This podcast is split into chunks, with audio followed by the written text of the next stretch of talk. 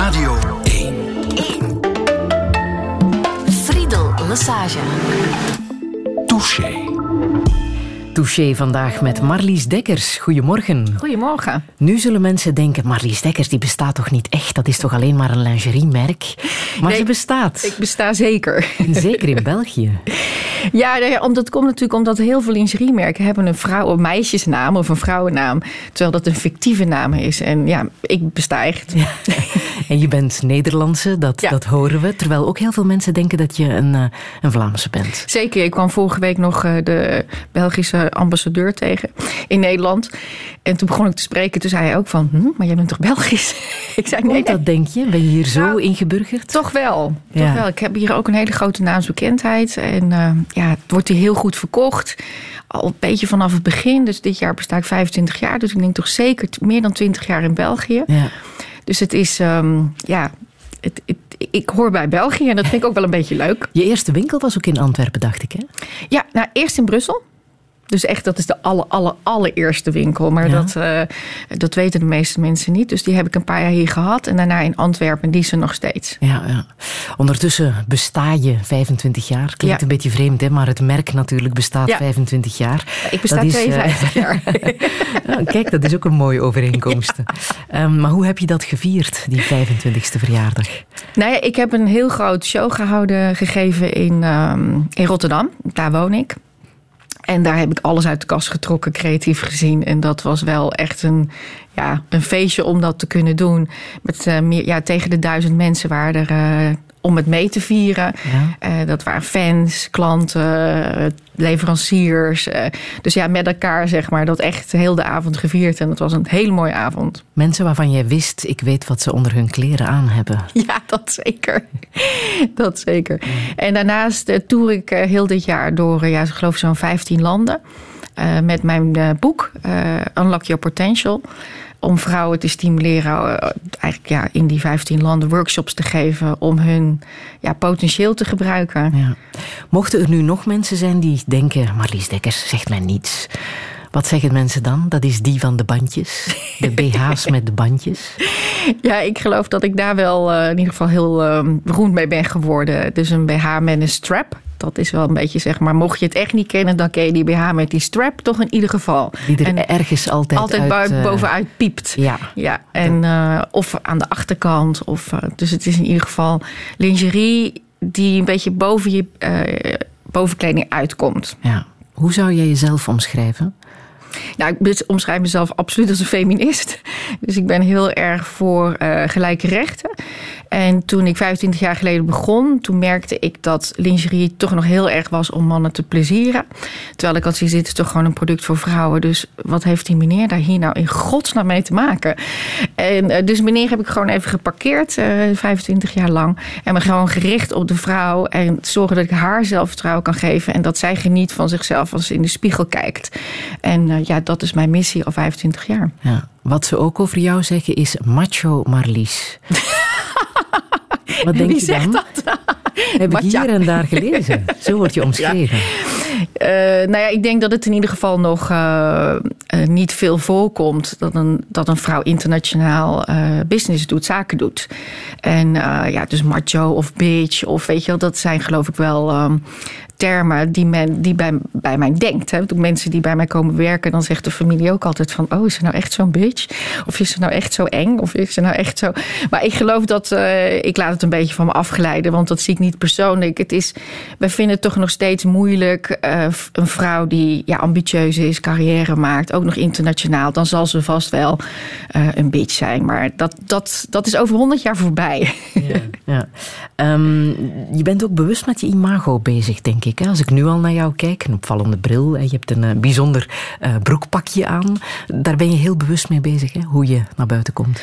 Nou, het is meer, ik zie het meer omgedraaid hoor. Ik was als kind, zag ik er altijd al heel flamboyant uit. Eh, ik werd daardoor ook altijd gepest. En dan denk ik nog steeds, je had je best kunnen aanpassen, weet je al, toen ik zeven was. En blijkbaar wilde ik dat niet. Dus ik werd liever gepest dan dat ik mijn kledingstijl aanpaste. En ja, vanuit die ander type kledingstijl is ja, dat gaf eigenlijk al mijn creativiteit aan, die een plek ergens moest krijgen. En iemand die kan schrijven, gaat schrijven. En voor mij is zeg maar meer het uiten via mijn uiterlijk. Mhm. Dat is ook een beetje mijn dagboek. En dat heb ik uiteindelijk zeg maar ja, zo kunnen professionaliseren dat ik ook andere vrouwen er blij mee kan maken. Dus het is niet dat het een uh, imago is. Ik, ik heb alleen een beroep kunnen vinden. Ik, ik heb kunnen zorgen dat ik het niet heb hoeven aan te passen. Dus dat ik kan zijn wie ik ben. En daar waar ik me het comfortabelst mee voel. En dat is niet zeg maar uh, in een blauw pak en uh, suffe schoenen. Omdat ik nu ook een eigen bedrijf heb. Wereldklasse uit Tulpenland. Dat heb, ook, heb ik ook gelezen over jou. Vond ik ook wel een mooie. Marlies Dekkers, welkom in uh, Touché.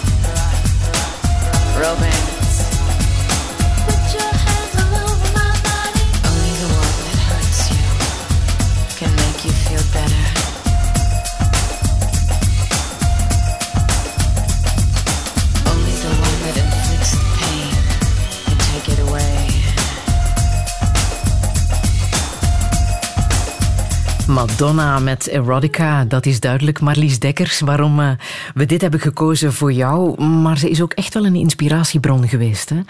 Nou, ik, ik, ik zie haar echt wel als het start zijn van de derde feministische golf. Kijk, de eerste en de tweede feministische golf is vrij duidelijk. Maar die derde, die wordt ook maar niet echt geclaimd. Weet je, wanneer was die nu? En ik vind zelf dat Madonna dat was. Op het moment dat ze met dat eh, Jean-Paul Gaultier corset uh, in de Blonde Ambition Tour was het volgens mij optrad. Uh, tweede feministische golf had de BH verbrand. dus die had zoiets van, wij willen geen BH meer. Dat is maar alleen maar uh, om mannen te pleasen. Wij willen gewoon vrijheid. Wij willen doen wat we zelf willen. Daar stond eigenlijk symbool van voor. En Madonna kwam toen met dat corset eigenlijk, ja, BH als wapen. Hè, met die punt BH. Mm -hmm. En haar lichaam was helemaal gespierd, was empowered. Het was echt van, ik bepaal zelf wel wat ik doe. En toen waren we allemaal in shock van het lichaam ook. Van, wow, wat is lelijk. Iedereen had het erover hoe lelijk het was. Ze leek wel een man.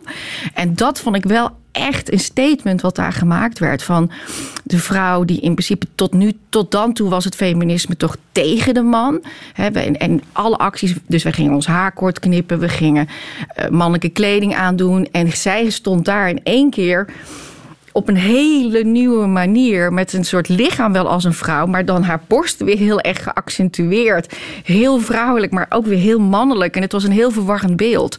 En ik zelf had toen wel zoiets. Ik studeerde toen op de kunstacademie.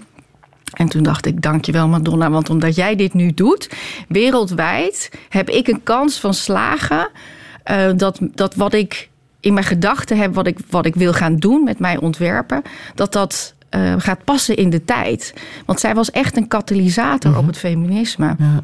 En je bent ook echt afgestudeerd met een werk dat nu zelfs in het Rijksmuseum te bezichtigen is. De blote billen uh, jurk. Ja, dat klopt. Hoe was je op, op dat idee gekomen? Dacht je, als Madonna dat kan, dan mag ik mijn blote billenjurk uh, Nou, het was wel in ieder geval, het vocabulaire werd verruimd. Ja. het was een soort nieuwe pagina omgeslagen, vond ik.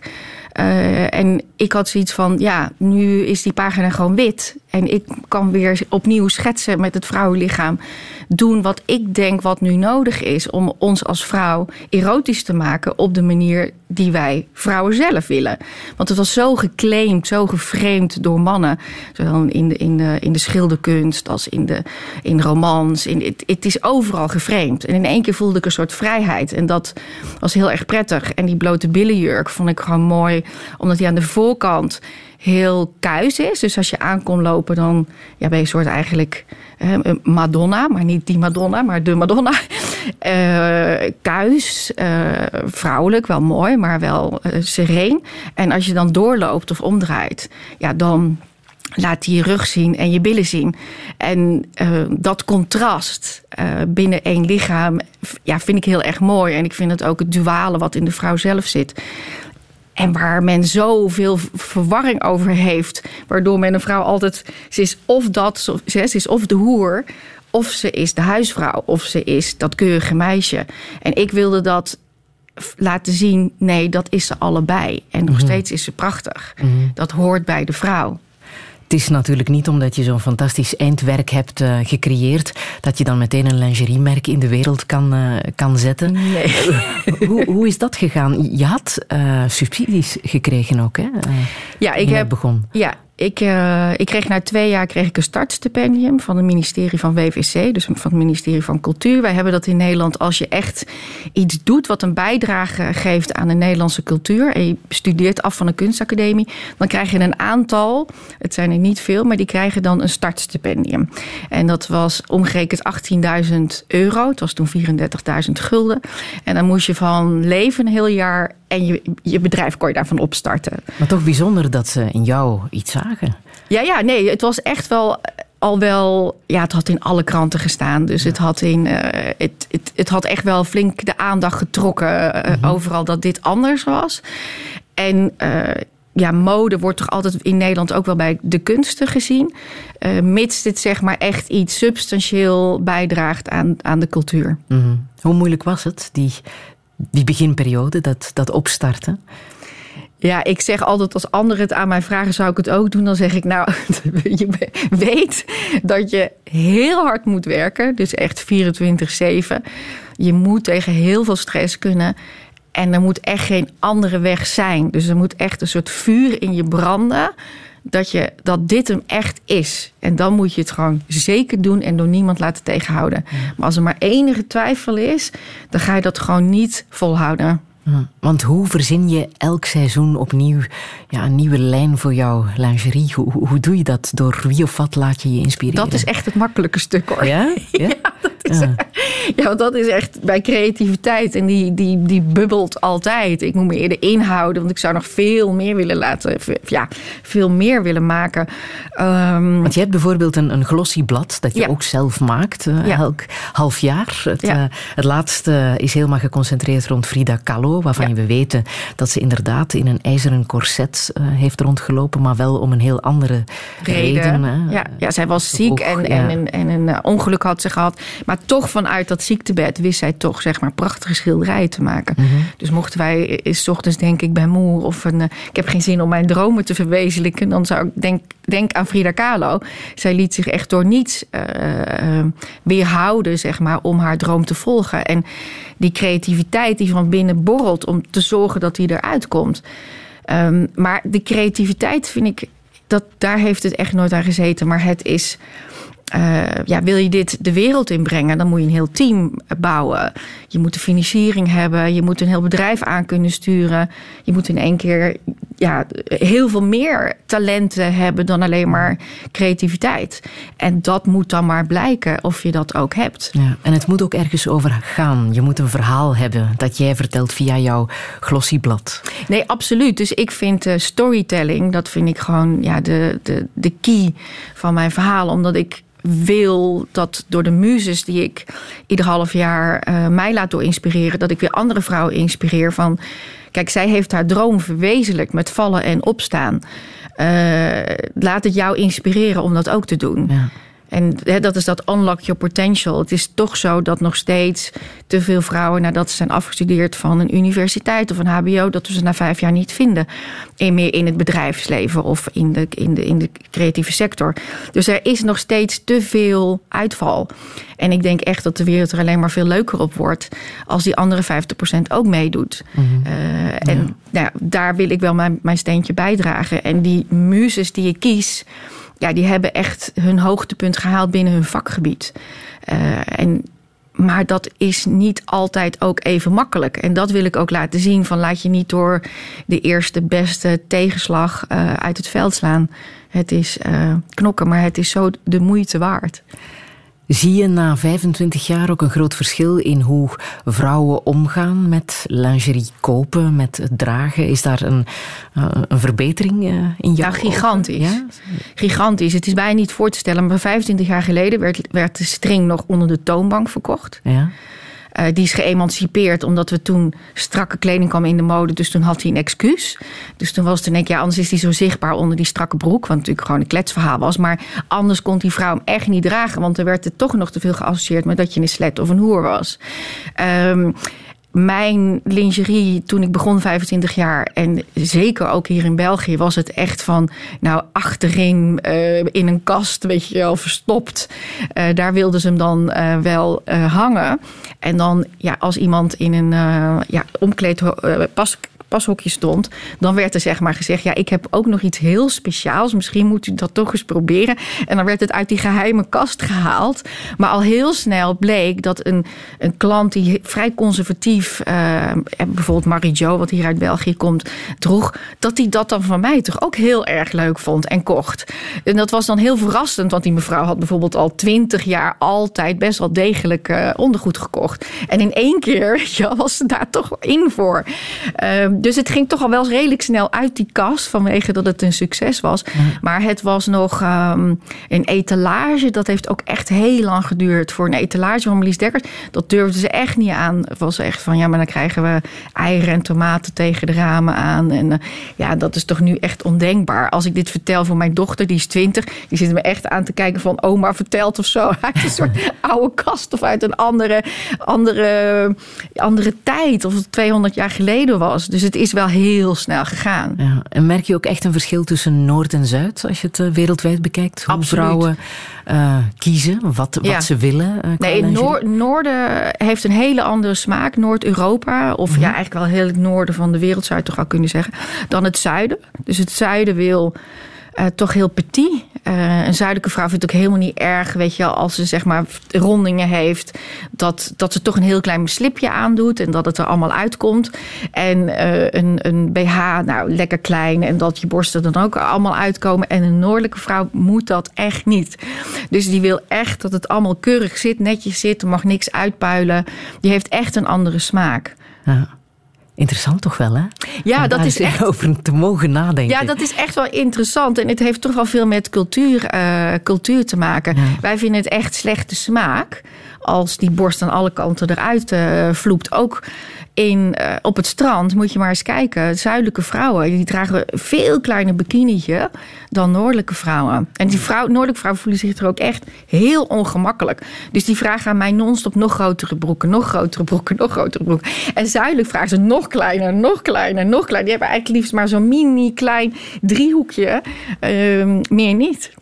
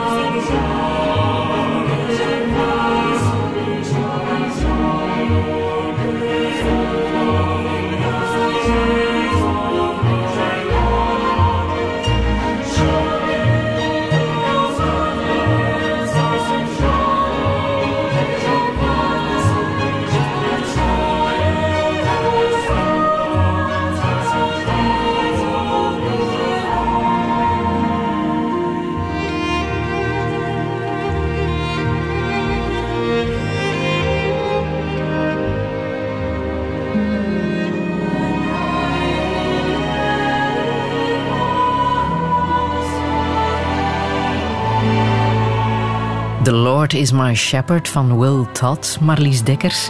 Waarom wou je dit laten horen? Ja, ik vind het gewoon. Ik hou heel erg van klassieke muziek. Dus dat, dat ligt gewoon ja, dichter bij mijn hart. En ik ben katholiek opgevoed. En ik hou dus ook heel erg van ehm, ja, muziek die iets ehm, die probeert te reiken, zeg maar, naar het goddelijke. En dat. eh, ehm, ja, daar kan ik s ochtends vroeg naar luisteren, s'nachts, in de middag. Dat, dat, dat, raakt mij altijd en het inspireert mij ook. Het maakt me rustig. En ik kom er altijd een hele fijne, eh, fijne denkflow. Vreemde combinatie wel, zou je kunnen denken. Hè? Voor iemand die bezig is met lingerie ontwerpen en met sensualiteit en seksualiteit, dat je ook naar dat goddelijke uh, verlangt. Toch of niet. Kijk, ik ben katholiek opgevoed, dus ik, ik was van jongs af aan altijd in gesprek met God. Dus dat is zeg maar de machtigste man hè, van buiten, buiten aarde ook nog. Um, en toen was ik op mijn twaalfde en ik was altijd wel bang van hem. Dus er zat altijd wel echt veel uh, lijden zeg maar in. Ik deed ja. nooit goed, hè, zoals dat vaak is. We doen het nooit goed, we lijden. Um, en op mijn twaalfde was ik gewoon niet meer zo bang. En toen voelde ik me, toen dacht ik, oké, okay, maar als ik niet meer bang ben van de machtigste man, dan, uh, dan, toen voelde ik dus in één keer heel veel vrijheid. Toen zag ik ook in één keer de Bijbel als gewoon hele mooie verhalen. In plaats van een soort ja, iets wat mij gewoon heel erg dwingt in een keurslijf. Mm -hmm. En toen heb ik ook voor mijn eindexamen het verhaal van Adam en Eva uh, als inspiratie gebruikt. Omdat Eva, zeg maar symbolisch, of je nou gelooft of niet, weet je, maar het is in ieder geval een prachtig verhaal van de eerste symbolische vrouw. Maar zij had gelijk al alle schuld in haar nek. He, dus ook in, in de kunst uh, zie je dus hij altijd afgebeeld met alle schuld heeft zij in, draagt zij. En daar gaat het eigenlijk al mis, weet je wel. Dus mm -hmm. ik had zoiets, wat als we nou het verhaal anders interpreteren? Want normaal, stel voor dat de man het had gedaan... dan hadden we hem echt als een held gezien. Want hij had gekozen voor dit leven. Maar nu heeft een vrouw het gedaan. Die heeft gekozen voor dit leven. Dus ik heb haar ook als heldin neergezet. Met dank dat wij, weet je, zwanger kunnen worden... het leven kunnen doorgeven, dat we leven en dood hebben. Dat hebben we allemaal te danken aan die mooie Eva. Dus eigenlijk zijn het prachtige verhalen. Alleen ze worden iedere keer zo nogal in het voordeel van de man geïnterpreteerd. Maar als je een beetje erbij nadenkt, dan kan je ze ook anders zien. Ja. Wat deden je ouders? Mijn ouders uh, zijn uh, uh, arbeiders. Tenminste, mijn vader werkte in de, in de fabriek. En mijn moeder was huisvrouw. En wat vonden ze ervan dat hun dochter lingerie wou gaan ontwerpen? Ja, toch wel lastig. Dat is wel een weg geweest. Want de droom van mijn ouders was zeg maar voor hun dochters. Ik heb ook een zus en één broer. Maar voor hun dochters was toch dat ze huisvrouw zouden worden en moeder. Dus, en ik was de oudste. Dus toen ik kwam na mijn broer, weet je waar in die zin de aandacht naartoe ging van ja, hij mocht een carrière gaan doen. Uh, en toen zei ik, ja, maar ik wil eigenlijk ook wel meer dan de huisartsschool. Want ik ben gewoon naar de huisartsschool gestuurd. Uh, nou ja, dat was wel heel exotisch. En dat zagen ze in eerste instantie helemaal niet uh, zitten. Want ja, heel, hun omveld was, was niet zo. Weet je wel, de buren vonden dat niet, tantes vonden dat niet. Dus je moest kostgeld afgeven. En ja, werken eventjes zeg maar als ja, cashier of zo. En daarna snel huisvrouw worden en moeder worden. En ik voelde dat al wringen van dat. Maar dat wil ik niet, maar ik wist ook niet wat wel. Want ik had helemaal geen voorbeeld uh, van, van, ja, ik wist niet eens welke scholen er waren, weet je. Dat, mm -hmm. Dus niemand kon, zeg maar, daar de weg in wijzen. En ik heb zelf wel het gevoel dat dan toch, zeg maar, het geloof niet in de traditionele manier van dat geloof je kracht geeft, maar wel uh, dat soort vertrouwen van uh, er is gewoon veel meer. En ik wilde dus ook veel meer van het leven zien dan alleen maar, ja, de, de stad of, of dorp waarin ik geboren uh, was. Ik wilde gewoon de wereld zien en Wat, veroveren zelfs. Wat weet je nog van het moment dat je voelde dat je een vrouw werd? Uh, dat je een ontluikend meisje was? Dat je een eerste BH nodig had? Ja, nou ja, ik, eigenlijk al, ik kan me zo herinneren vanaf mijn zevende dat ik mijn borsten er echt uit keek. Weet je, ik wilde echt heel graag borsten. Ja, en ik vond ja. het echt echt een, een, een, gemis dat ik ze nog niet had. Dus ik vond het ook, waar ik moet deze tijd maar uitzitten totdat ik ze heb. en ik weet dus ook niet waarom, maar dat had ik heel erg. En ik wilde ook heel erg graag heupen krijgen. Ik wilde heel graag vrouw zijn.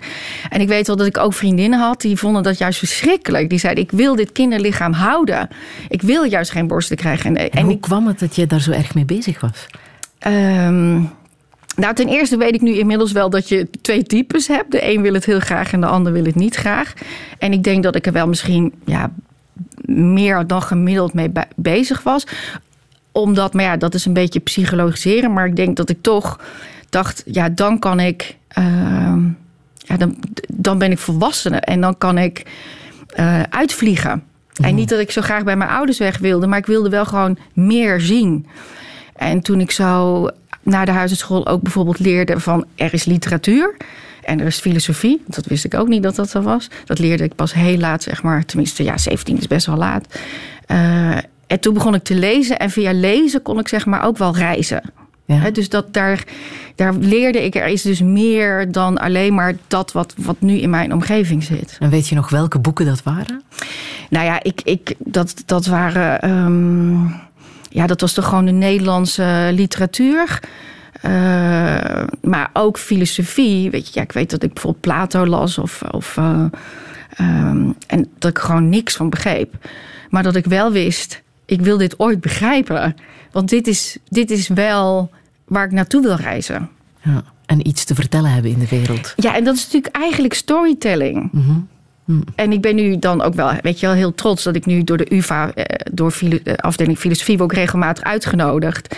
Ook om mee te denken. Dus weet je wel, dus het is, dat was wel ook wel echt iets wat ik eh ambieerde. En het was ook, denk ik, wat nog wel meespeelde, is dat ik zag dat de macht daar zat. Dus ik was ook wel heel gefascineerd door de macht en onmacht. En ehm, door het milieu waarin we zaten, zeg maar, voelde ik ook wel dat je in het milieu zit van onmacht. En ik wilde niet dat iemand macht over mij had. Dus ik wist ook van, dan moet ik, weet je wel, heel die. eh, hoe kom ik daar waar men anderen geen macht over mij hebben? Im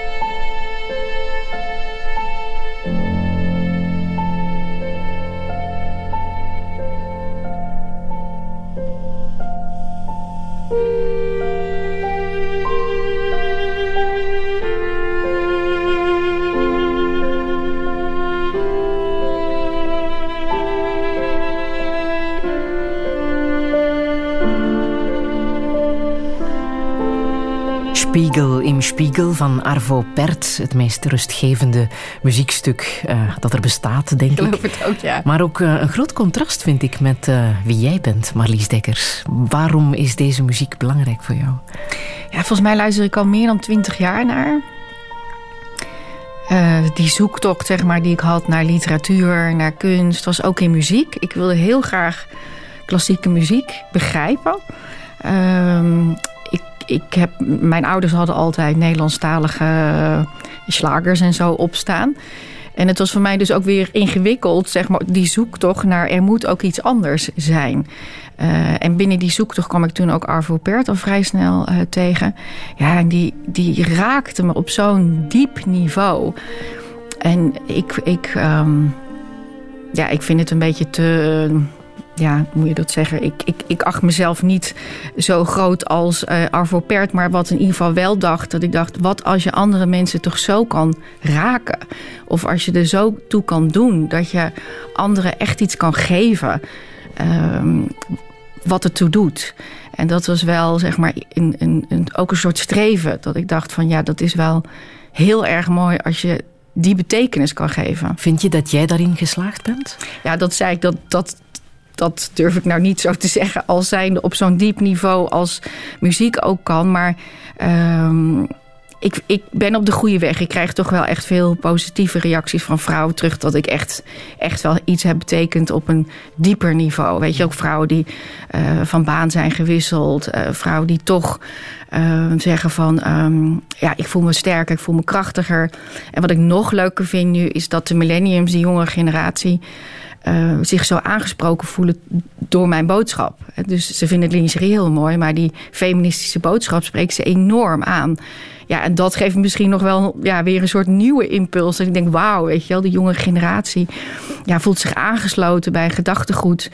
Uh, waar ik al 25 jaar ja, me vertrouwd mee voel. Maar de tijd is naar mij toegegroeid in plaats van maar afgegroeid. Mm -hmm. En vaak merk je juist dat je een beetje uit de tijd raakt, weet je, omdat je de tijd van jou afgroeit. Maar de tijd groeit naar mij toe. Dus ik was eigenlijk de tijd toch wel ver vooruit. En dat ga ik wel steeds meer zien. En het is wel heel fijn dat je dus jonge meiden. Uh, ja, over dingen die, die je doorgeeft, te hebben en discussiëren. En ja, en zich gesterkt voelen, zeg maar, door wat ik uh, met mijn werk wil zeggen. Ja. Op die 25 jaar um, is het ook even heel erg slecht gegaan met het bedrijf Marlies Dekkers. Hè. Je stond op de rand van uh, de afgrond, een uh, ja, faillissement zeker. dreigde. Wat ging er fout, denk je? Nou ja, kijk, ik heb het bedrijf opgebouwd van de slaapkamer. Dus uh, met niets. En, de, uh, en dat groeit en dat groeit. En ik heb altijd geweten, weet je, ieder contract die je tekent, lening die je aangaat, het kan ook fout gaan. Ik ben nooit zo naïef geweest dat ik dacht, dat is onmogelijk, ondanks het grote succes. En er kunnen gewoon een aantal factoren bij elkaar komen uh, ja, dan kan je nog zo hard werken, maar dan krijg je ze niet gemanaged. En daar kwamen dus een aantal factoren bij elkaar. Dus in 2008 hadden we de crisis. Uh, 2013 ben ik dus failliet gegaan. Uh, een uur. Uh, en ik had een uur? Een uur, ja. Echt? Ja? ja? ja? na een uur kon ik doorstarten. Maar dat, dat, dat weet je niet van tevoren. Hè? Dus dat is, dat is wijsheid achteraf, maar dat wist ik niet uh, daarvoor. Uh, het had ook een jaar kunnen duren. Het had ook niet meer door kunnen starten. Dat weet je niet. Maar het was mij gegund door de rechter. Um, maar 2008 was de crisis en ja, steeds meer winkeliers kwamen in problemen. Dus zeker de Benelux betaalt gewoon altijd netjes op tijd. Die gingen in één keer steeds later, later, later betalen.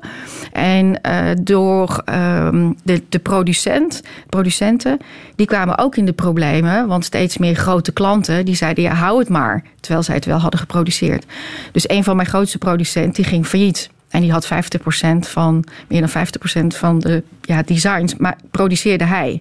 Dus ik had aan de ene kant ja, geldproblemen, zeg maar, omdat de klant steeds later betaalde. En aan de andere kant had ik problemen omdat de producent failliet ging. Ja, en toen waren, kwamen de krachten bij elkaar die, ja, die mm-hmm. op een gegeven moment lastig te managen zijn. Toen werd ook geschreven: hoogmoed ligt aan uh, de basis van het faillissement. Ja, ja het is natuurlijk altijd wanneer is iets lef en wanneer is iets hoogmoed. En ik, um, uh, ik denk dat dat precies ook is, zeg maar, de. Um, waarom vrouwen uh, niet genoeg risico nemen, vind ik. Omdat ze zo bang zijn voor dat woord. Dus het is ook precies het woord van, ja, zie je wel, weet je, hoogmoed. Nou, en een vrouw wil echt daar niet heen. Dus die wil ver onder hoogmoed blijven.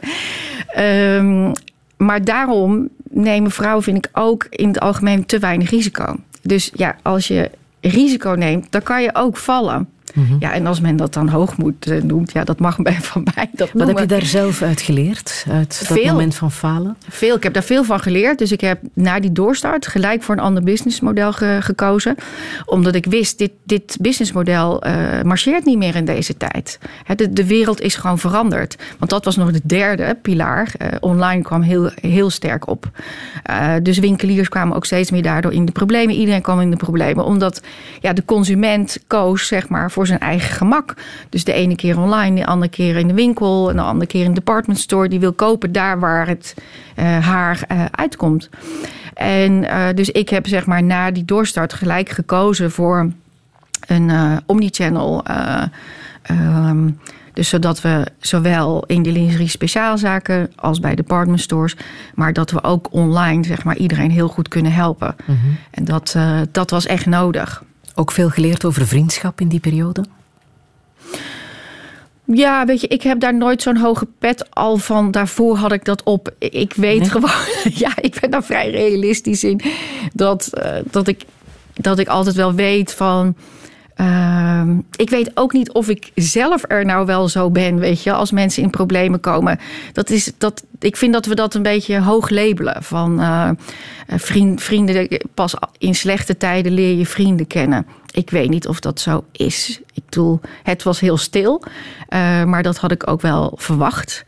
Uh, en ik wilde toen ook me heel erg focussen om de dingen die ik allemaal moest doen goed te doen. En dat. Um, maar ik heb niet ervaren, omdat het stil was, dat mijn vrienden niet van mij hielden. Uh, dat, het is alleen een ongemakkelijke situatie. Het is hetzelfde als iemand doodgaat. Hè. Dus ik heb ook nu een goede vriend van mij en zijn zoon is overleden. En dat is een hele. Dat is heel moeilijk om. Hoe ben je dan een goede vriend? Uh, omdat je eigenlijk zelf het er al zo ongemakkelijk mee hebt. Dus hoe ga je daarmee om? Dus ik weet ook wel dat ik voor het eerst weer in de buurt ging winkelen. En uh, het viel helemaal stil, weet je, bij de bakker, bij de slager. En dan zei ik ook van, ik ben niet dood hoor, ik ben er nog. En dan kon iedereen lachen, weet je En toen kon iedereen weer door. Dus ik zie het vaak meer als een ongemakkelijkheid. Dus als er gewoon dingen gebeuren die echt diep, diepe impact hebben... dan weten we gewoon niet zo goed hoe we er moeten zijn als uh-huh. vriend. Uh-huh. Maar hoe heb jij uh, je erdoor geslagen? Waar heb jij de energie vandaan gehaald? Toch heel erg mijn missie. Ja toch heel erg uh, die stip op de horizon. Dat ik van waarom doe ik dit? Uh, ik, ik moest ook heel erg denken. Het was toevallig ook drie uur toen ik uh, faillissement um, viel. En toen wist ik dus nog niet dat ik na een uur zou doorstarten. En om drie uur is natuurlijk ook Jezus gekruisigd. Dus ik, ik voelde me daar diep verwant mee. Ik voelde ook dat ik gekruisigd werd, zeg maar symbolisch. Uh, maar ik wist ook dat hij, bij hem was ook een wederopstanding. Dus ik voelde daar vertrouwen in. Van het is nu zo donker en zo verdrietig en zo moeilijk. Maar de stip op de horizon was. Ik doe dit niet... Um, uh, ik, of, nou, ik doe dit vooral wel, laat ik het zo zeggen, omdat ik het verschil wil maken voor vrouwen. Ik wil echt heel graag vrouwen inspireren en producten maken uh, die zij mooi vinden.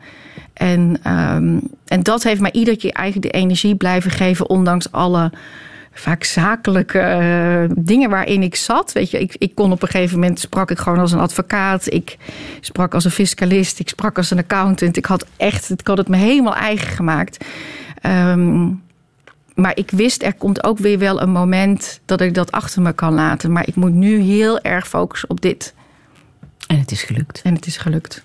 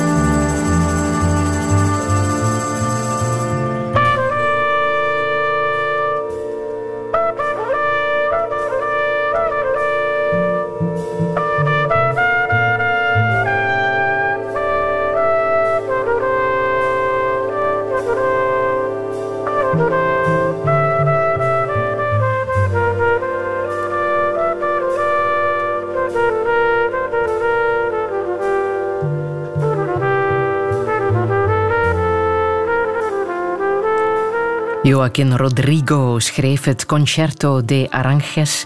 Uh, dit was uh, het Adagio, uh, bekend in de versie van Miles Davis en Gil Evans. Marlies Dekkers, jij kent dit natuurlijk uit het hoofd en in het hart, want je hebt het zelf gedirigeerd voor het programma Maestro op de Nederlandse ja. televisie. Wat zegt dat over jou dat je die vraag hebt aanvaard om te gaan dirigeren? Ja, ik, ik zei gelijk ja, terwijl ik word echt voor de gekste spelletjesprogramma's gevraagd in Nederland. En ik heb eigenlijk 20 eh, jaar, 25 jaar nee gezegd. En ik kreeg deze vraag, ik zei gelijk ja. En dat is voor mij grote liefde voor klassieke muziek. Want het, de bedoeling is uiteindelijk dat wij daar staan te stuntelen. als amusement voor de kijker. Maar dat met als doel dat, dat men ziet hoe prachtig uh, klassieke muziek is. En uh, dat het eigenlijk een, een kapstok is om daarover te praten. En dat voor de bühne te brengen op een ja, toch een beetje wat lichtvoetige manier. Uh, met, met veel leed vermaak. En het, het, het was echt een hel. Want, uh, maar je hebt het er wel goed van afgebracht. Ja, Net niet de finale gehaald, nee, nee, maar iedereen was heel enthousiast ja, ja, ja, nee, ik, kunde. Ik kunde, ja. Maar ik liep daar totaal tegen mezelf aan. Want uh, ja, dirigent is 15 jaar studeren. En ik geloof dat ik echt nauwelijks heb geslapen. Ik heb alleen maar zitten studeren. In de hoop dat ik het uh, een beetje begrepen en met machtig maakte. Uh, en die, het is zo intens om daarmee bezig te zijn. En maar achteraf gezien is het een heel groot cadeau dat ik dieper heb leren kijken in de klassieke muziek. Het is ook heel fysiek, hè? Dirigeren. Heel fysiek. Ja, heb je dat gevoeld aan de armen en de benen? Ja, wij hoefden geen stuk van anderhalf uur uh, te doen. Hè? Dus het was iedere keer maar een kort stuk. Wat meer lukt ook echt niet. Um, maar het is. Uh, omdat je het eigenlijk niet begrijpt, moet je die één of twee minuten gewoon iedere seconde uh, memoriseren. Maar als je één seconde bent afgeleid, dan ben je hem kwijt dan weet je echt niet meer wat je moet doen. Maar ja, je moet op, op die tel moet je dat instrument aangeven. En op die tel moet je dat instrument aangeven. Kan jij dus noten lezen? Nee. Je dus, gedirigeerd zonder noten ja, te kunnen dus ik heb het helemaal op kleur mezelf aangeleerd. Dus ik had allemaal kleuren gegeven. En dus je moet het helemaal memoriseren. Ja. Doe jij nog aan kickboksen? Ja, ik doe nog aan kickboksen. Ja? dat doe ik iedere week. Hoe ben je daartoe gekomen om dat te doen? Nou, ik hou heel erg van sporten. Dus ik sport minimaal vijf keer per week. En, um, en ik vind het leuk om mezelf uit te dagen. Dus, dat, uh, dus ik doe bijvoorbeeld ook atletiek met iemand uh, van, uh, die de Olympische Spelen heeft gedaan, meegedaan. en ik kickbox met iemand weet je, die ook vrij hoog ehm, daarin is gekomen. En ik vind het gewoon heel leuk om mezelf uit te dagen, ook fysiek. -huh. om, om, ja, het is voor mij toch een hele erg grote ontspanning. En ook om ja, ik, ik, om zelf te challengen, zeg maar. Ja. Koken doe je ook heel erg graag. Ja. ja. Ik sta graag in de keuken. Ja. Omdat het belangrijk is natuurlijk met je lichaam bezig zijn. Met... Nou, ik zie het als topsport. En wat mhm. ik doe is topsport. En dat, uh, dus ik vind, dan moet je goed voor jezelf zorgen. En wat is goed voor jezelf zorgen? Dat is in ieder geval ja, zorgen dat je goede voeding binnenkrijgt en dat je beweegt. En, um, ja, hoe met... ver ga je in dat, dat uh, lekker koken? Ver. Ja? Ik ga echt ver. Dus, maar lekker niet in de zin van. Uh, ik, ken, ik ken de Belg uh, de keuken goed. En die, die, die, zo kook ik niet. Dus ik kook niet. Uh, ik kook echt met verse groenten, bijna geen vet, bijna geen koolhydraten, zo min mogelijk vlees en vis. dus ik probeer echt heel healthy te leven. Ja. En dat is iets anders dan Bourgondisch, zeg maar. Wat Merk je de het verschil? Merk je het verschil? Nou ja, ik ben 52 en ik, uh, ik barst van de energie. Dus ik weet niet als ik het niet had gedaan, want ik kan geen parallel leven uh, nadoen. Maar het, ik, ik krijg er veel voor voor terug. Ja. ja. En ik vind het zelf uiteindelijk ook heel lekker. Hè? Dus, ik, uh, dus het, uiteindelijk ga je ook aan die smaak wennen. Daar heb je dus ook nog de tijd voor. Ja, omdat het me ontspant. Dus het is ook als, het een, een, uh, als je het ervaart als een van poe, dat ook nog. Maar ik kom thuis en denk zo, hè, eindelijk lekker koken, leuk. Uh, en ik bedenk iedere dag een nieuw recept. Weet je, ik, heb, ik, ik, ik werk niet van een kookboek. En ik koop gewoon per week heel veel groenten, heel veel fruit. En alles waarvan ik weet dat is gezond. En dan daag ik mezelf iedere dag uit van, nou, wat ga je ermee maken? Voor jezelf? Of Ja, zitten daar dan mezelf. heel veel mensen aan tafel? Nee, dus het is eh, voor vrienden of ook voor ontbijt. En, ehm, eh, en mijn dochter, die, eh, we hebben co-ouderschap. Dus de helft van de tijd is ze bij mij. En die, ehm, nou, die heeft zeg maar in de puberteit gezegd... als ik straks groot ben, dan eet ik alleen maar pizza's en ongezonde dingen. Ik ben helemaal klaar met dat gezonde gedoe. En nu is ze zelf, nu is ze zo rond de 19 is ze omgegaan. Omdat ik zei, ja prima, jij mag je keuze maken... als jij dat la- later liever doet. Maar nu begint ze, ja, ik voel me toch veel beter met dat eten van jou. Dus ik zei, ja, dus nu is ze om. Ja. Ik heb nog eh, muziek uit eh, de film Gloria. Dat is die eh, film die ook eh, ehm, prijzen heeft gewonnen. Hè? De Gouden Leeuw bijvoorbeeld Ja. in Venetië. De film van John Cassavetes met. Gina Rowland in de hoofdrol. Waarom is dit jouw favoriete film? Nou, ik, ehm, ten eerste heel leuk dat ik ook nog naast haar heb gezeten. Ik ging voor het Ja? eerst naar New York.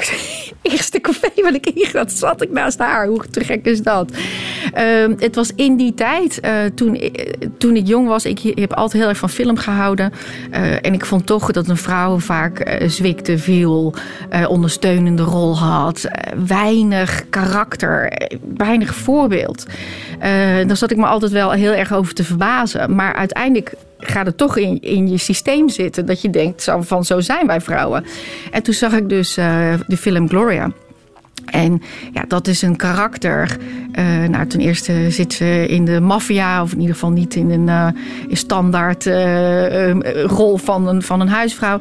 Ze, ze is stevig. ehm, ze houdt niet in eerste instantie van kinderen. Die duwt ze zelfs van haar af.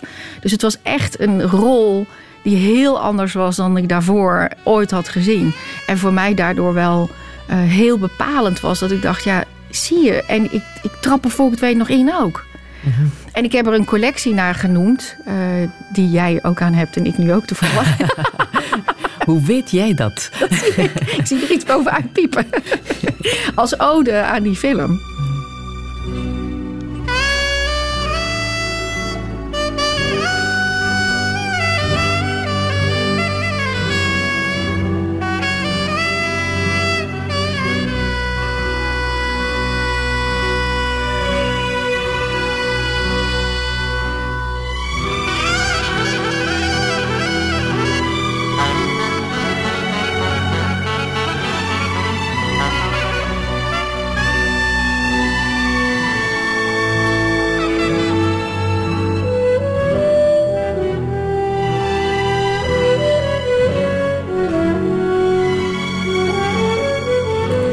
Muziek uit die film Gloria van eh, componist Bill Conti. Film van eh, John Cassavetes. Radio 1. Friedel Lassage. Touché. Touché met lingerieontwerpster en zakenvrouw Marlies Dekkers. Inderdaad, die van de bandjes. Anders dan Marie-Jo bestaat Marlies echt. Ze groeide op in een arbeidersgezin in Oosterhout en vond haar eerste BH maar niks. Al heel vroeg wist ze dat ze iets in het leven wou betekenen. Dat borsten een bijzondere betekenis hebben en dat vrouwen veel meer zijn dan een lustobject. Haar bedrijf houdt al 25 jaar stand, hoewel het vijf jaar geleden één uur lang op de rand van de afgrond stond. Maar net uit dat faillissement heeft Marlies bijzonder veel geleerd. Ze laat zich inspireren door filosofen en kunstenaars, maar hoe moet het verder na de MeToo-affaire? Zijn er wel genoeg overtuigde feministen? En wat als de wereld straks genderneutraal wordt? Dit is Touché met Marlies Dekkers. Een goede middag.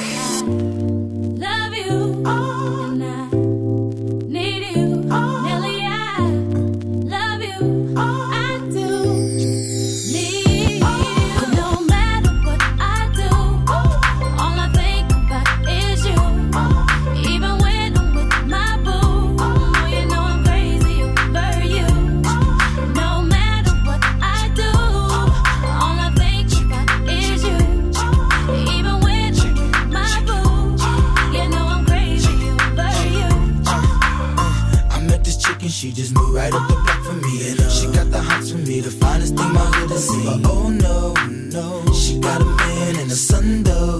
Oh, when that's okay, cause I wait for my cue and just listen, play my position like a show star.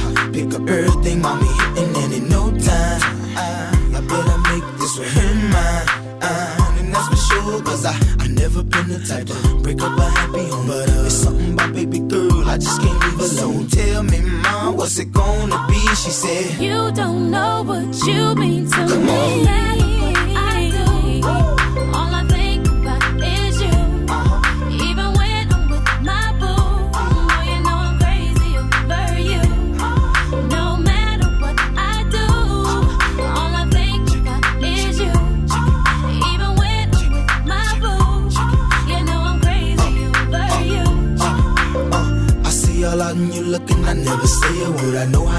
Start acting tripping. I heard about that girl. No way, hey. Nelly gon' fight over no day, hey. As you can see, but uh, I like your steez, your style, your whole demeanor, the way you come through and holler and swoop me in his two seat. Now that's gangsta, and I got special ways to thank ya. Don't you forget it, but uh, it ain't that easy for you to back up and leave him, but uh, you Dirty got ties for different reasons. I respect that, and right before I turned to leave, she said, You don't know what you mean to me.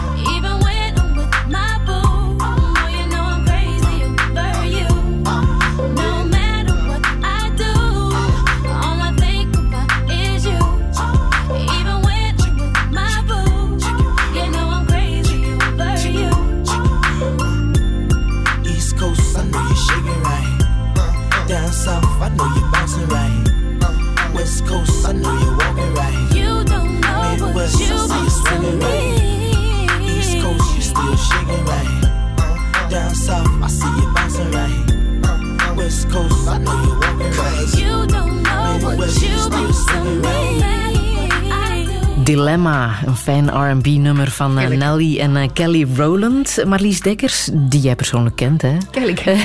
ja. Ja, want ze draagt Marlies Dekkers. Ja, ja, en ze is ook wel eens naar een show van mij geweest. Ja, Ja. en ze is niet de enige. Er zijn ontzettend veel grote namen die Marlies Ja. Dekkers dragen. Hè? Ja, Het zeker. voordeel is natuurlijk dat jij het ziet. Ja. Je ziet het af en toe eh, zie je het uit de kleren priemen. Ja, maar het is wel leuk, want die vrouw. ehm, eh, ik wilde heel graag dat die vrouwen het zouden gaan dragen. Omdat zij eh, mijn, mijn, mijn filosofie of mijn missie of mijn motto, hoe je het ook moet noemen, is: Dare to dream, dare to grow, dare to be. Dus ik wil vrouwen stimuleren hun dromen te volgen. Te durven die droom te laten groeien. En ik denk dat uiteindelijk hè, dan dare to be, dan, dan heb je dat zelfvertrouwen. En ik vroeg me altijd af, wie, wat zijn nou de voorbeelden? Nou, dat is bijvoorbeeld Angela Merkel. Uh, maar dat zijn ook uh, popartiesten of actrices. Uh, dus ik wilde heel graag dat die het zouden dragen, omdat die op de top van hun carrière zitten en daardoor dus um, aspiratie zeg maar, uitstralen voor andere vrouwen. Ja, en, en dat, ja, dat is gelukt en daar ben ik heel trots op. Ik heb er nooit een euro voor betaald. Ze, ze vinden het mooi, ze dragen het graag. En zij zeggen, geven aan mij weer terug van ja, het zit heel goed. Dus wij kunnen erin dansen, kunnen springen, kunnen ratslag erin doen. We kunnen alles in doen. Want pasvorm geeft ook zelfvertrouwen, dus dat vind ik heel belangrijk. Ja, en we voelen ons heel mooi en sexy, maar op een inderdaad van een feminine point of view. Dus van een vrouwelijk standpunt. Uh, dus ja, ik ben wel trots op dat ik door ze omarmd ben. Maar wel vanuit het feit dat ze zo bij mijn uh, filosofie passen. Ja, en in de entertainmentwereld lijkt dat nogal logisch, hè, dat daarover gepraat wordt. Maar ben je pas uh, gearriveerd als ook een politica zegt... ik draag Marlies Dekker? Ja, nou ja, toen Nelly Kroes dat zei. Ja? Nelly Kroes is een Nederlandse politica... die ook hier in uh, het Europarlement heeft gezeten... Uh, en ja, toen zij zei van ik draag ook een Marliesje. En dat was toen een krantenkop. Toen dacht ik, ja, dat is wel echt heel erg tof. Ja, het liefst zou ik natuurlijk Angela Merkel, weet je wel, dat zei. Want ik vind haar ja, ultieme powervrouw. Dat, uh, dat is wel, ja, ik vind, dat, ik vind haar wel ja, misschien wel het. het, het, het ehm, zij staat zo in, in het middelpunt, zeg maar, van eh, macht. Dat lijkt me zo enorm complex. En dat er, ehm, ik denk dat zij veel goed doet. En dat wij hier nog in vrede leven. Denk ik dat zij daar een hele grote vinger in de pap heeft. Dus zij offert haar leven op voor, voor veel. En ehm, dus ik vind haar heel bijzonder. Dus als zij het zou dragen, dat zou ik echt, echt heel bijzonder vinden. Hoe volg jij het nieuws? Ja, ongeveer iedere minuut. Ja? ik ben Beetje wel een nieuwsfreak. Nieuws, ja, ik ben Ja? echt wel een nieuwsfreak. Ja. Ook eh, mijn vader had dat eigenlijk al. En eh, dat heb ik echt van hem overgenomen. En ik zie dat mijn dochter het nu ook wel aan het overnemen is. Dus het is ook wel iets, denk ik, wat je aan elkaar overgeeft. Ehm, of meegeeft. Het is iets wat... ehm, ehm, nou, mij sowieso heel erg interesseert. Omdat ik vind ook dat het de, de tijdsgeest weergeeft waarin we leven. Maar ook zoiets praktisch van... eh, mijn bedrijf is afhankelijk van de dollar en de eurokoers. Dus ik moet gewoon ook echt heel goed op de hoogte zijn van eh, wat is er aan de hand. Eh, bijvoorbeeld, wij moesten ons nu indekken voor het volgende seizoen. Dan moet je dus dollars kopen. En ik zag wat daar gebeurde in Italië. Weet je, ik had echt zoiets, nou nu indekken, want direct gaat die euro stort in. En dat gebeurt dus ook. Dus je moet zeg maar op meerdere vlakken gewoon goed op de hoogte zijn. Dus wat, is- wat, hoe is het met de positie van de vrouw? Wat gebeurde er in landen? Weet je, zoiets als Trump toen Trump gekozen werd, toen dacht ik al van, nou, volgens mij gaan nu vrouwen veel meer voelen. Er valt echt iets voor te vechten. Nou, je ziet 8 maart die vrouwenmars en in één keer wat er is gebeurd met heel die MeToo. Ik kan dat niet loszien van Trump. Mhm. Hoe heb jij de, dat nieuws van MeToo gevolgd? Ik was in op dat moment was ik in Los Angeles, dus ik zag ook die tweet zeg maar komen Ja. van eh, nou, heel dat, toen ik daar was net was ik lanceerde daar mijn nieuwe collectie bij alle redacties en toen kwam dat nieuws van Weinstein, dus iedereen was helemaal stoom uit hun oren en boter op hun hoofd wat aan het smelten was, want ze wisten het natuurlijk al heel lang. Eh, dus iedereen was in rep en roer eh, over Weinstein. Ja, en toen kwam eh, die tweet van Me Too. En ik wist gelijk, dit is, ik krijg er weer kippenvel van. Ik wist, dit is big. Dit is, dit is echt een hele grote stap in coming out van eh, het ongelijkheid wat er nog eh, is ehm, tussen man en vrouw. En dan vooral daar waar de macht ligt en waar onmacht is. En eh, nou ja, wat ik al zei, weet je wel, dat heb ik als kind ook heel erg gevoeld. Waar is macht en waar is onmacht? En ehm, ja, daar waar macht is, en dat is in het bedrijfsleven of daar waar in politiek, of ja, daar wordt dus ook heel veel misbruik van gemaakt. En ik schrok me helemaal wel ja, te pletter, zeg maar, toen ik de weken daarna zag op mijn eigen timeline. Dus van mensen die ik ken of toch kennen via via. Hoeveel mensen toen MeToo hebben get- getweet of op Facebook hebben gezet. En dat ik toen pas eigenlijk nog meer van doordrongen was hoeveel ja, mensen, mannen, vrouwen mis, misbruik, seksueel misbruikt zijn. Mhm. Ben jij zelf ooit eh, het slachtoffer geweest van eh, een vorm van machtsmisbruik? Nee, ik ben nooit het slachtoffer geweest. In ieder geval niet van seksueel misbruik. Maar ik zie dat meer als Russisch roulette dan dat, eh, alsof dat nou aan mij ligt. Weet je, het is net als je net in een ongelukkige situatie of net de verkeerde buurman of de verkeerde oom. Dus veel vrouwen zeggen ja, dat komt omdat ik, eh, ik bijt wel van me af. Maar zo zie ik dat dus echt niet. Ik vind het is echt. eh, eh, echt iets wat op de kaart gezet moet worden. En dat is nu op de kaart gezet. En er is veel gepiep over aan de andere kant. Dat mannen zeggen van ja, hoe, hoe, weet je wel, nu mag niks meer. Dan zeg ik ja, maar weet je, je moet toch met elkaar willen, mannen als vrouwen, niet in een samenleving willen leven. Waarin eh, macht op zo'n verkeerde manier eh, gebruikt wordt. Dat- Daar moeten wij met elkaar over praten. En daar moeten we een nieuwe balans in vinden. Eh, en, en betere checkpoints vinden, zodat dat gewoon niet gebeurt. Want daar waar de checkpoints niet werken, eh corrumpeert macht. Ik, ik zie ons niet als beter. Hè? Ik denk als vrouwen eh, geen checkpoints zouden hebben of als wij sterker zouden zijn, dan, zou, dan zouden wij ook macht misbruiken. Dus er moet altijd gewoon in een samenleving hele goede check and balances zijn om te zorgen dat niemand het naar zijn hoofd kan stijgen en eh, de verkeerde dingen gaat doen.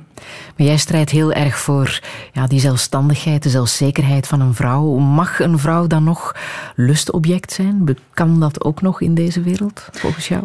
Ik vind het heerlijk om een lustobject te zijn. Eh, ik doe daar eens niks op tegen. Ehm, maar wel eh, zelf gekozen. Dus het is, waar ik tegen ben, is dat we als lustobject geframed worden. Eh, dus stel voor dat ik nu met jou aan een interview... en ik zit te denken zo, wat voor borsten zou ze hebben? Hoe zou ze in bed zijn? En ik zit dat eigenlijk onbewust zo naar jou toe te zenden. Bewust, maar ik zeg het niet, maar ik zit er wel aan te denken. Nou, dat is heel oncomfortabel. En dat gebeurt aan de lopende band. En dat is omdat er zoveel beelden zijn... waarin we vrouwen geobjectiveerd zien. Eh, Dus of het nou eh, pornofilms zijn... Of, of gewoon hoe de vrouw reclames neergezet worden. Het is continu, zijn wij het object.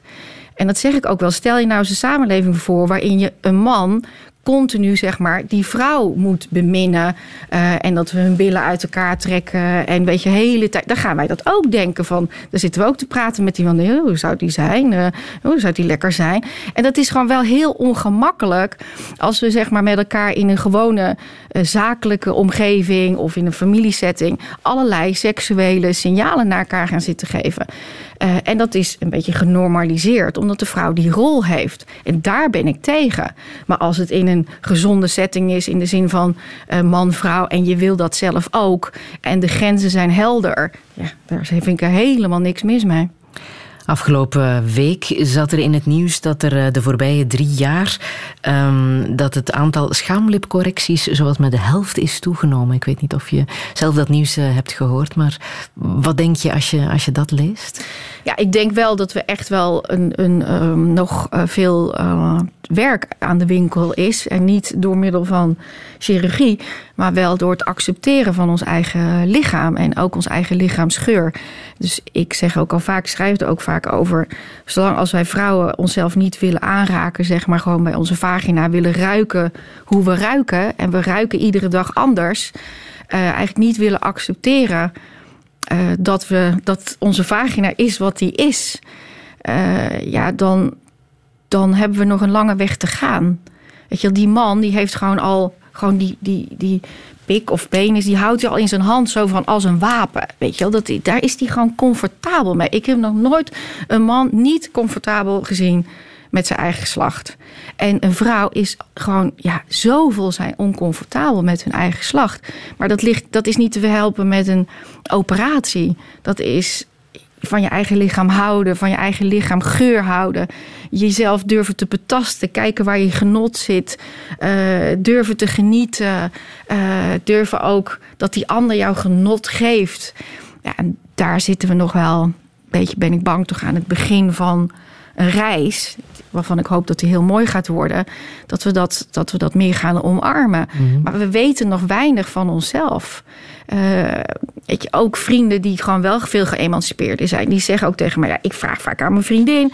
Weet je, wat vind je nou fijn en wat is nou genot? En toch vaak zeggen vrouwen, ja, doe maar zoals je vorige week eh, deed en die maand ervoor ook. Ja, dat is ook te makkelijk, weet je. Wij vrouwen, ja, dan tast die man ook in het duister. Dus het is wel een activiteit, weet je. Erotiek, genot. Het is geweldig. Het geeft je enorm veel ontspanning. Het is genieten. Maar je moet er wel in investeren. Het is niet wat van God wordt ingestraald en u geniet. Weet je wel, dat is wel iets wat je moet leren. En ieder lichaam is weer anders. Iedere vrouw is weer anders. En dat moet op elkaar afgestemd worden met degene van wie je houdt. En dat is, ja, dat is... eh, dat, dat, daar moet je mee bezig zijn, maar dat is, het is ook heel plezierig. Ook veel meer vrouwen dan we denken doen een eh, borstvergroting of een borstverkleining. Wat denk jij daarvan? Als je zegt, we moeten leren ons lichaam gewoon te aanvaarden zoals het is en dat niet altijd willen corrigeren of veranderen of denken dat we het kunnen verbeteren met, eh, met operaties. Ja, ik, ik vind het moeilijk om. Weet je, ik wil er niet oordelend over doen, want ik weet dat echt vrouwen er gewoon heel erg onder kunnen lijden. Dat, weet je, als het echt heel groot is, dat zeg het is gewoon echt zwaar. Het doet pijn aan mijn rug. Eh, of vrouwen die echt gewoon hele kleine borsten hebben, zich daar ook heel ongemakkelijk eh, door voelen. Kijk, het is nu mogelijk. Eh, dus wordt er gebruik van gemaakt. Ik zou alleen wel zeggen, willen zeggen, ja, denk, denk wel goed na of het, of het dat echt is. Weet je, of dat het niet iets is dat je. Wordt Eh, opgedrongen. Ja, nou ja, niet eens of dat het wordt opgedrongen, maar dat, het, dat je het probleem verplaatst. Want volgens mij is het onderliggende probleem toch van ehm, eh, ja, kunnen genieten van je eigen lichaam. En dat zit op meerdere plaatsen dan ja, of je nou cup A hebt of cup D hebt of cup C hebt. Weet je, genieten zit niet in, in de maat.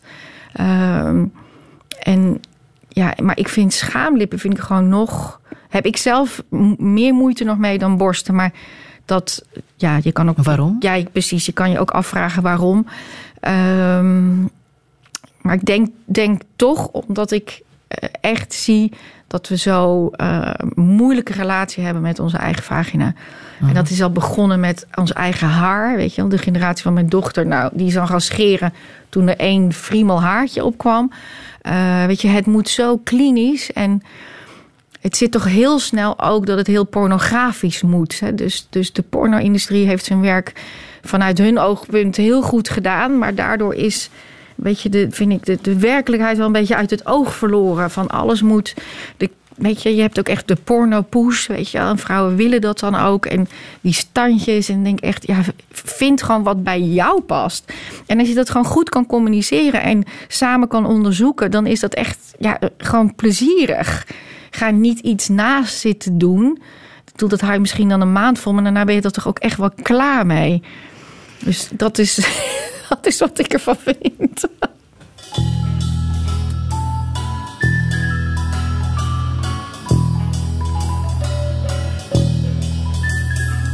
Try not to get worried, try not to turn on to problems that upset you.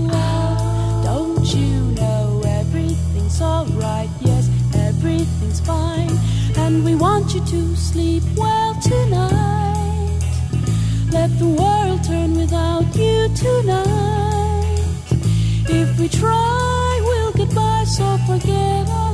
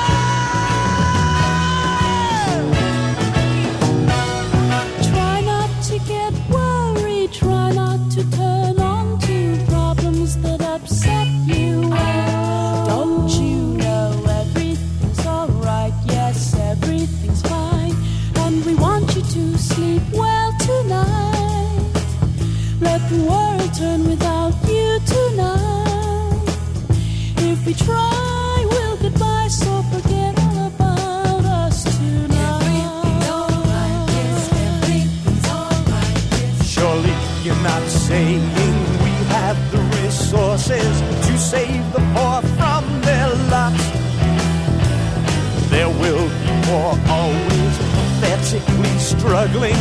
Look at the good things you got. Think while you still have me, move while you still see me. You'll be lost, you'll be so, so when I'm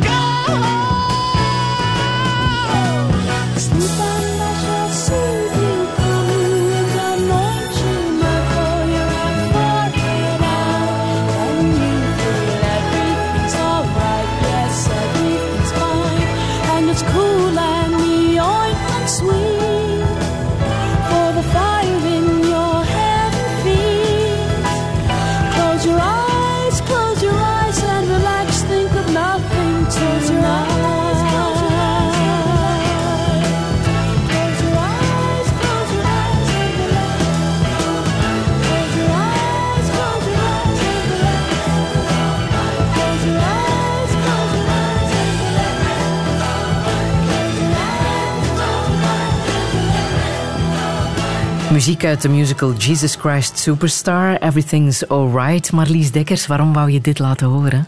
Ja, ik vind heel mooi hoe ehm, in die tijd toen deze musical uitkwam, ehm, toen ik dat zag, dat vond ik dus ook een bevrijding zeg maar, van een verhaal, van, de, van het verhaal van, van Jezus, wat, wat toen ik klein was al heel veel indruk op me maakte, maar wat zo stram en ouderwet zeg maar, door de kerk aan mij werd verteld.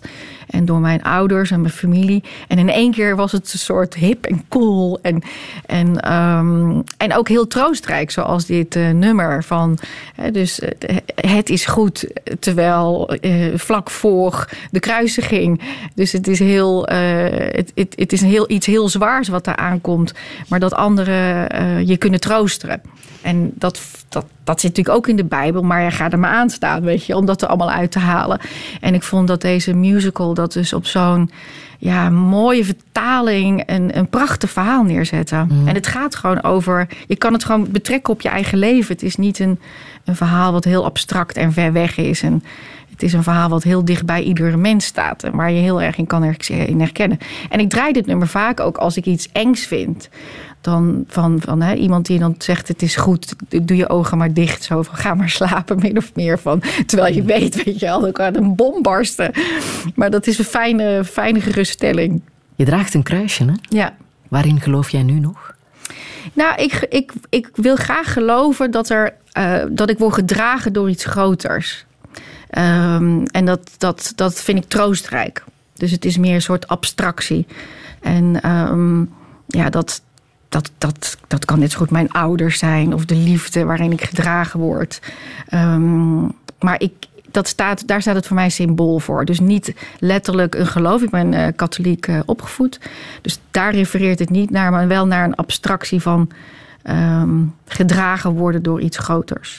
De liefde, bijvoorbeeld. De liefde bijvoorbeeld, ja. Is er veel liefde in jouw leven? Er is absoluut veel liefde in mijn leven. Ja, ik voel, ik voel me ook echt gedragen in liefde. Door wie dan? Eh, nou, dus door, door mijn familie, door mijn vrienden, eh, door mijn dochter. En dat, ehm, ja, ik, ik, ik vind dat ik eh, daarin heel rijk ben. En ik, dat is zeg maar ook wel wat ik heb geleerd door ehm, het faillissement. Het was daar inderdaad heel stil. Maar ik heb mezelf vooral wel afgevraagd van...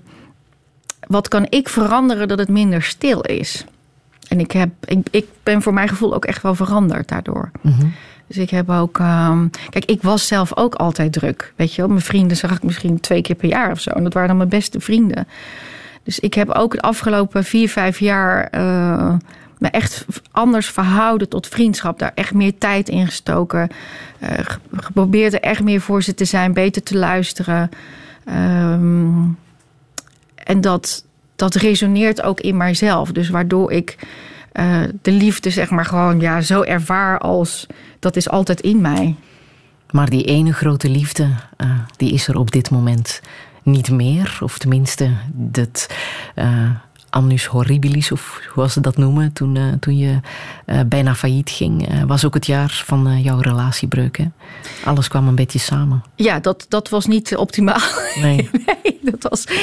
Dat was die, diegene hadden drie maanden daarvoor de relatie ge- gestopt. Dus dat was inderdaad niet ideaal. Maar geloof je in die ene grote liefde? Is dat waar de mens moet van dromen? Mm, nou, ik ben daar zelfs een beetje tegen op een bepaalde manier. Ik vind hem gevaarlijk. Want als dat niet zou lukken, dan zou alles mislukt zijn. Dat vind ik het er gevaarlijk aan. En ik weet in België, doordat ook mijn Belgische familie hier eh, woont. Weet je, in België is dat nog dominanter van hey, ik wens u een goed lief toe. Eh, en zonder een goed lief, weet je, is eigenlijk eh, is je leven minder. En ehm, ik, een mens kan ook heel erg gelukkig zijn zonder een grote liefde. En ik denk dat een grote liefde iets heel moois is. Maar ik vind er zijn meerdere wegen naar geluk. En ik vind het vooral belangrijk dat het niet zo'n dogma is.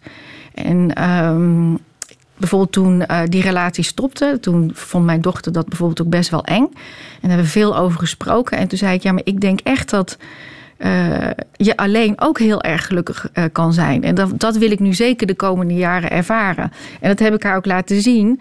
En nu zegt zij zelf ook terug van... ehm, ik zie dat zij dus ook veel vrijer nu met dat gegeven eh, omgaat... van er moet één grote liefde zijn. De kans dat zij 100 wordt, die generatie is groot... Ja, dan, dan moet je, zou je zeg maar 80 jaar bij één iemand moeten zijn. Is dat, is dat alleen zeg maar wat mooi is, of wat schoon is, of wat rein is, of dat wat te ambiëren is.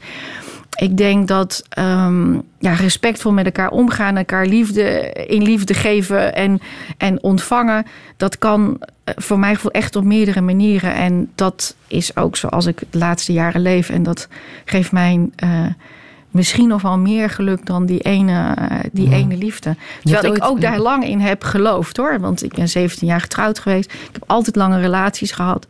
Eh, ik was daar ook altijd oprecht heel gelukkig in. Maar ik wilde toch met dat beeld een beetje meer spelen. Dat ik dacht, ja, ik vind dat. Ik weet niet, niet of dat nou het meest kloppend is. Je hebt ooit een eh, datingsite opgericht. Hè? Ja. Waarom heb je dat gedaan?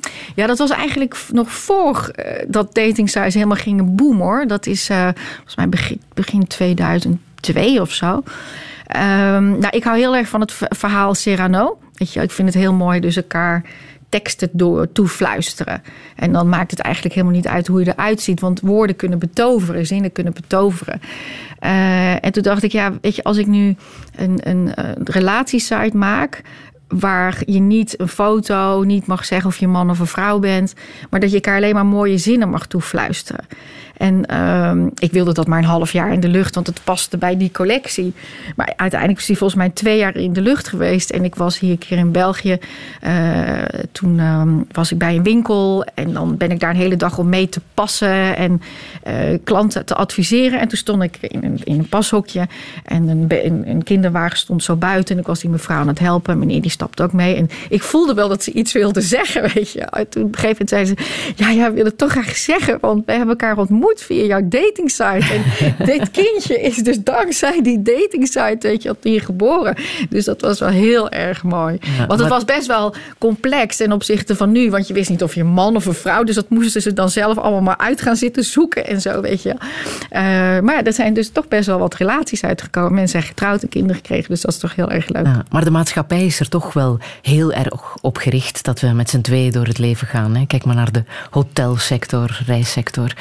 Alles is voor z'n tweeën. Gaat dat, veranderen? Dat gaat je? echt wel veranderen. En ik denk dat, weet je, de millenniums zie je daar al eh, een flink stap in aan het. Die zijn, nou, die, die zien dat echt niet meer zo.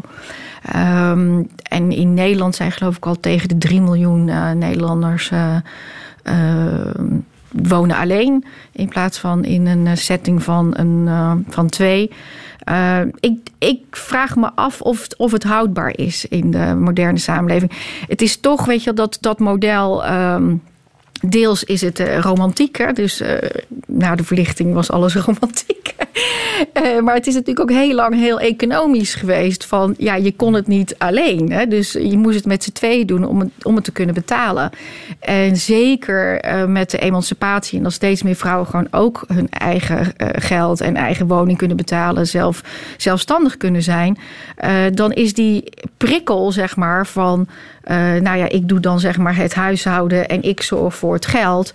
Ja, dat gaat er steeds meer onderuit.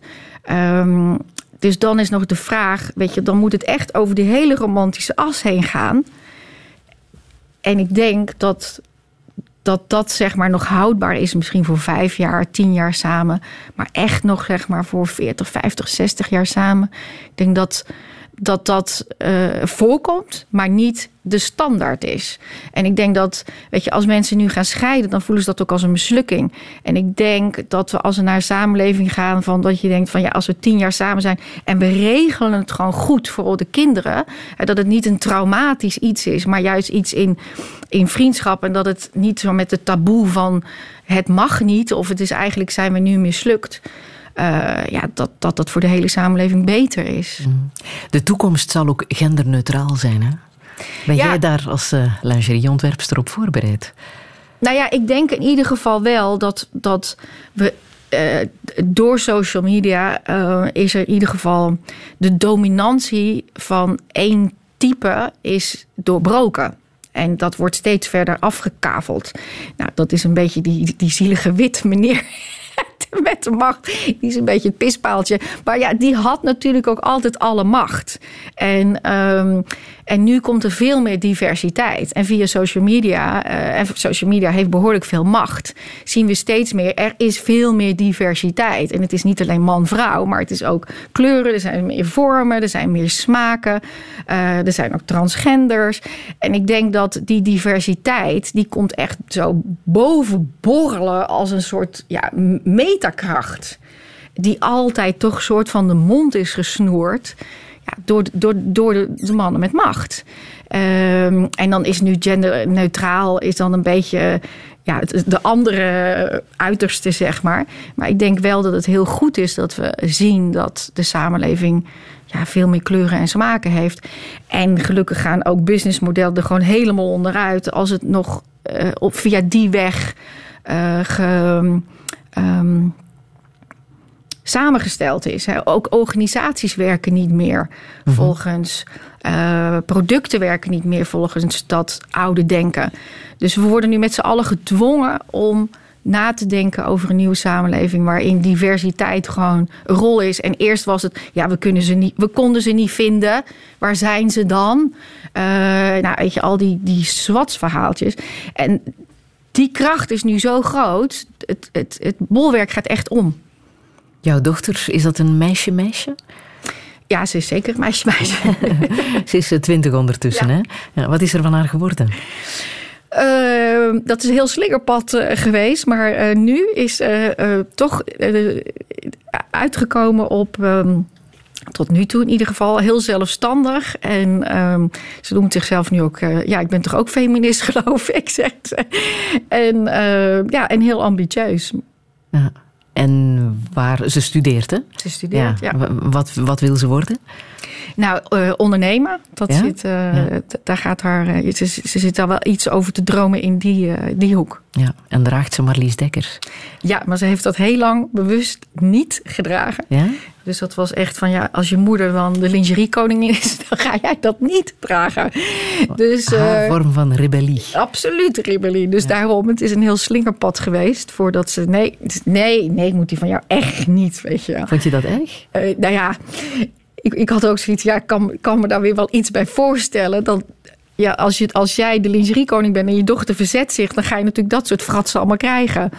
Eh, Lijkt me ook interessant om te merken waarom Ja. zij zich dan Ja. afzet tegen, Ja. tegen wat jij doet. Ja, het was, het was ook, eh, weet je, ze vond het veel te sexy wat ik deed. En eh, eh, nee, dus het was echt wel.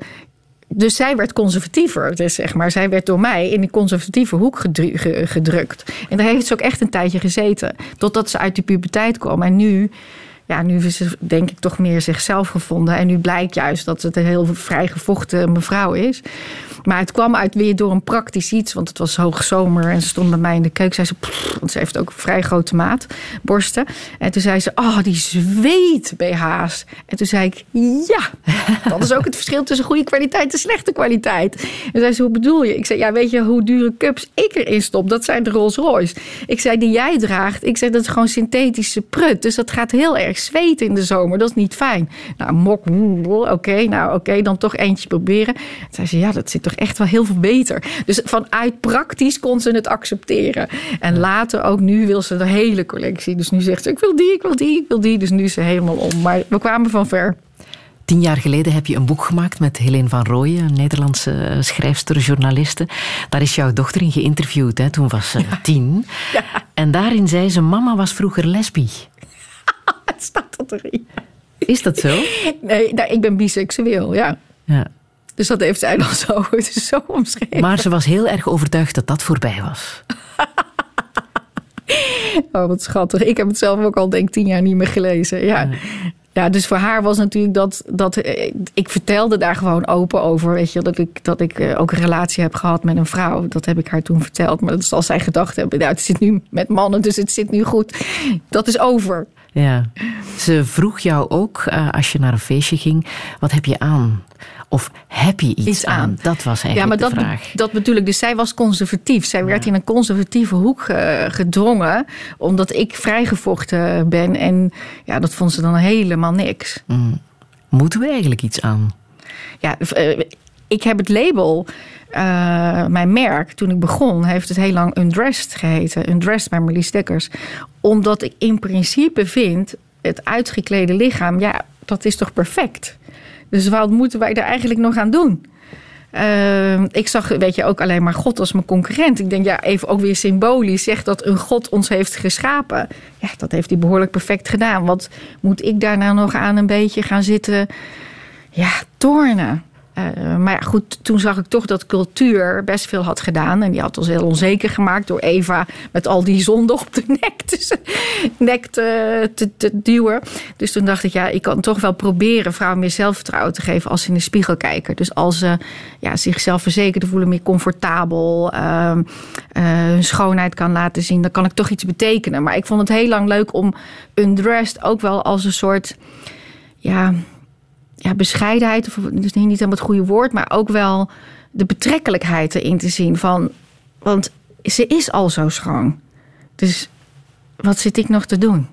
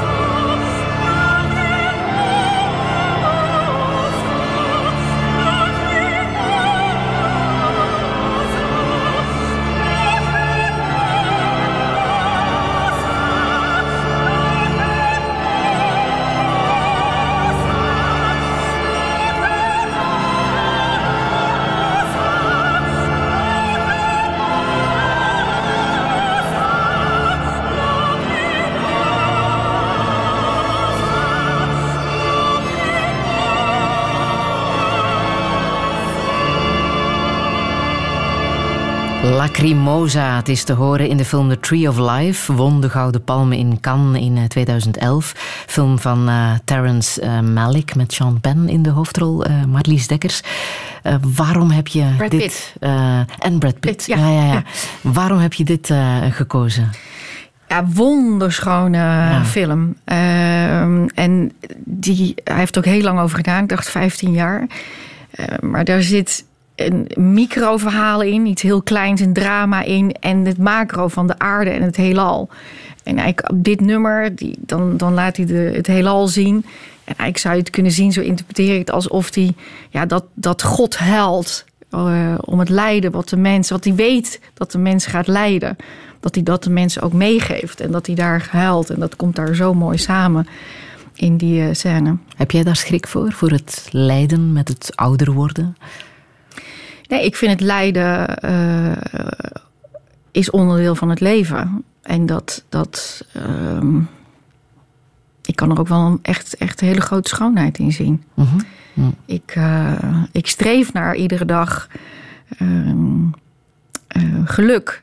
Maar dat geluk kan ik alleen maar voelen als ik ook het lijden voel. Dus het lijden staat, staat dicht bij mij op, op allerlei manieren. En ik, en ik vind het ook eh, onderdeel van het mens zijn. Ik bedoel, dat is wat Eva heeft gedaan. Door die, door die appel te plukken, heeft ze ons ook het lijden gegeven. En ik vind dat ook iets, iets heel moois hebben. Marlies Dekkers, je bent de 50 voorbij, hè? We hebben het nog niet over de menopauze gehad. Ook nog een onderwerp Ja, wat raad jij vrouwen aan om daarmee op een goede manier eh, om te gaan. om te gaan? Ehm, ja, even kijken je iets praktisch? Of, ik, ik, ik zou in ieder geval vrouwen aanraden ehm, dat ze in ieder geval weten er gaat veel veranderen. En dat is toch nog een groot taboe. Toen ik zelf 48 was, wist ik niet dat de overgang zoveel eh, zou inhouden. Dus daar kwam ik eigenlijk zo pas om mijn 48ste achter.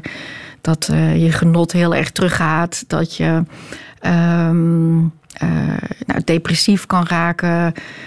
dat je gewoon eigenlijk in een ander lichaam komt te zitten. Of dat je je eigen geest ook verandert. Dat wat je kende is niet meer. Eh, en in de natuur zijn we geloof ik het enige dier, met nog eentje, die normaal gesproken eh, ga je dood. Hè? Als een vrouw niet meer kan, ehm, eh, geen, geen eieren meer heeft, gaat ze dood. En wij blijven leven. Dus dat kan je zeggen foutje van de natuur of juist heel bijzonder. Maar er gebeurt dus iets heel veel en heel ingrijpends. En ik denk, wat ik zou willen meegeven, verdiep je in ieder geval in. Zodat je weet wat je te wachten staat. Eh, en dat je het kan duiden. Eh, ja, en hoe fitter je aankomt, hoe makkelijker je door die overgang heen gaat.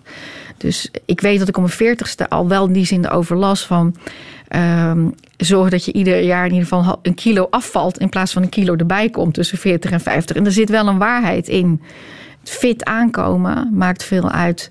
Gezond eten maakt veel uit. Is dat de reden waarom jij niet rookt, niet drinkt? Nou ja, dat, dat, had ik, dat wist ik niet om mijn twintigste dat ik dat voor mijn vijftigste zou gaan doen. Dus het sprak me gewoon niet aan. eh, drinken. Het is, ik, ik, voel me, ik voel me goed en iedere dag mag ik van mezelf wel gaan drinken. Dus als ik denk, dit is het moment dat ik moet beginnen, maar die dag is nog niet gekomen. en dat is hetzelfde met drugs.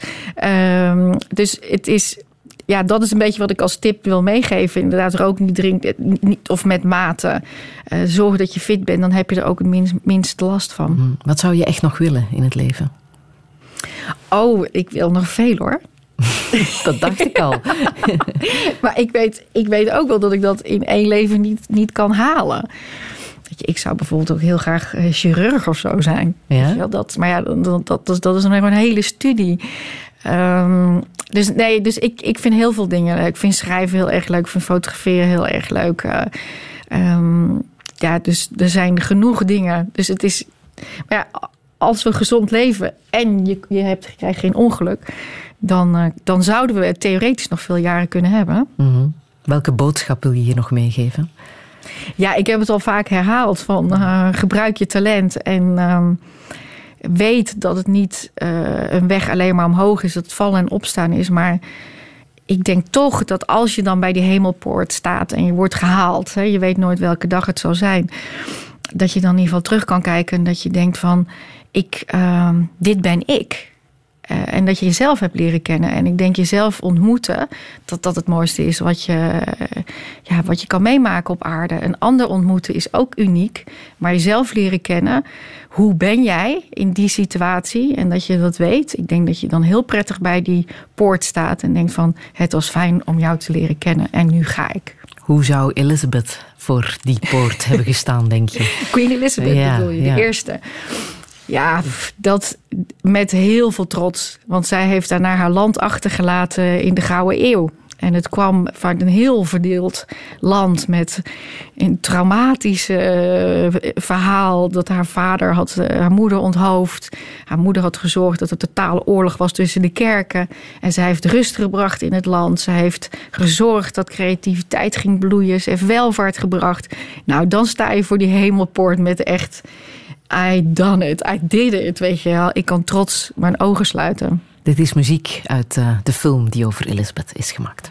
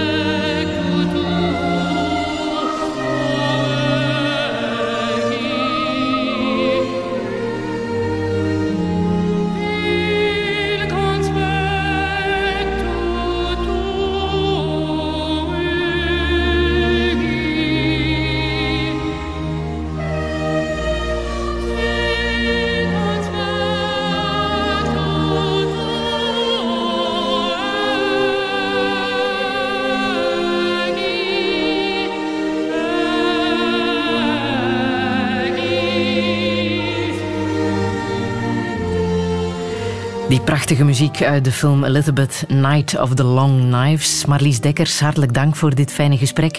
Alle info is zo meteen na te lezen op onze website.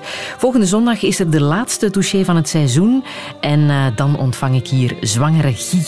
Toch eens vragen of hij eh, lingerie draagt. Marlies Dekkers, nog een fijne zondag. Herbeluister Touché via de podcast, de Radio 1-app en radio1.be.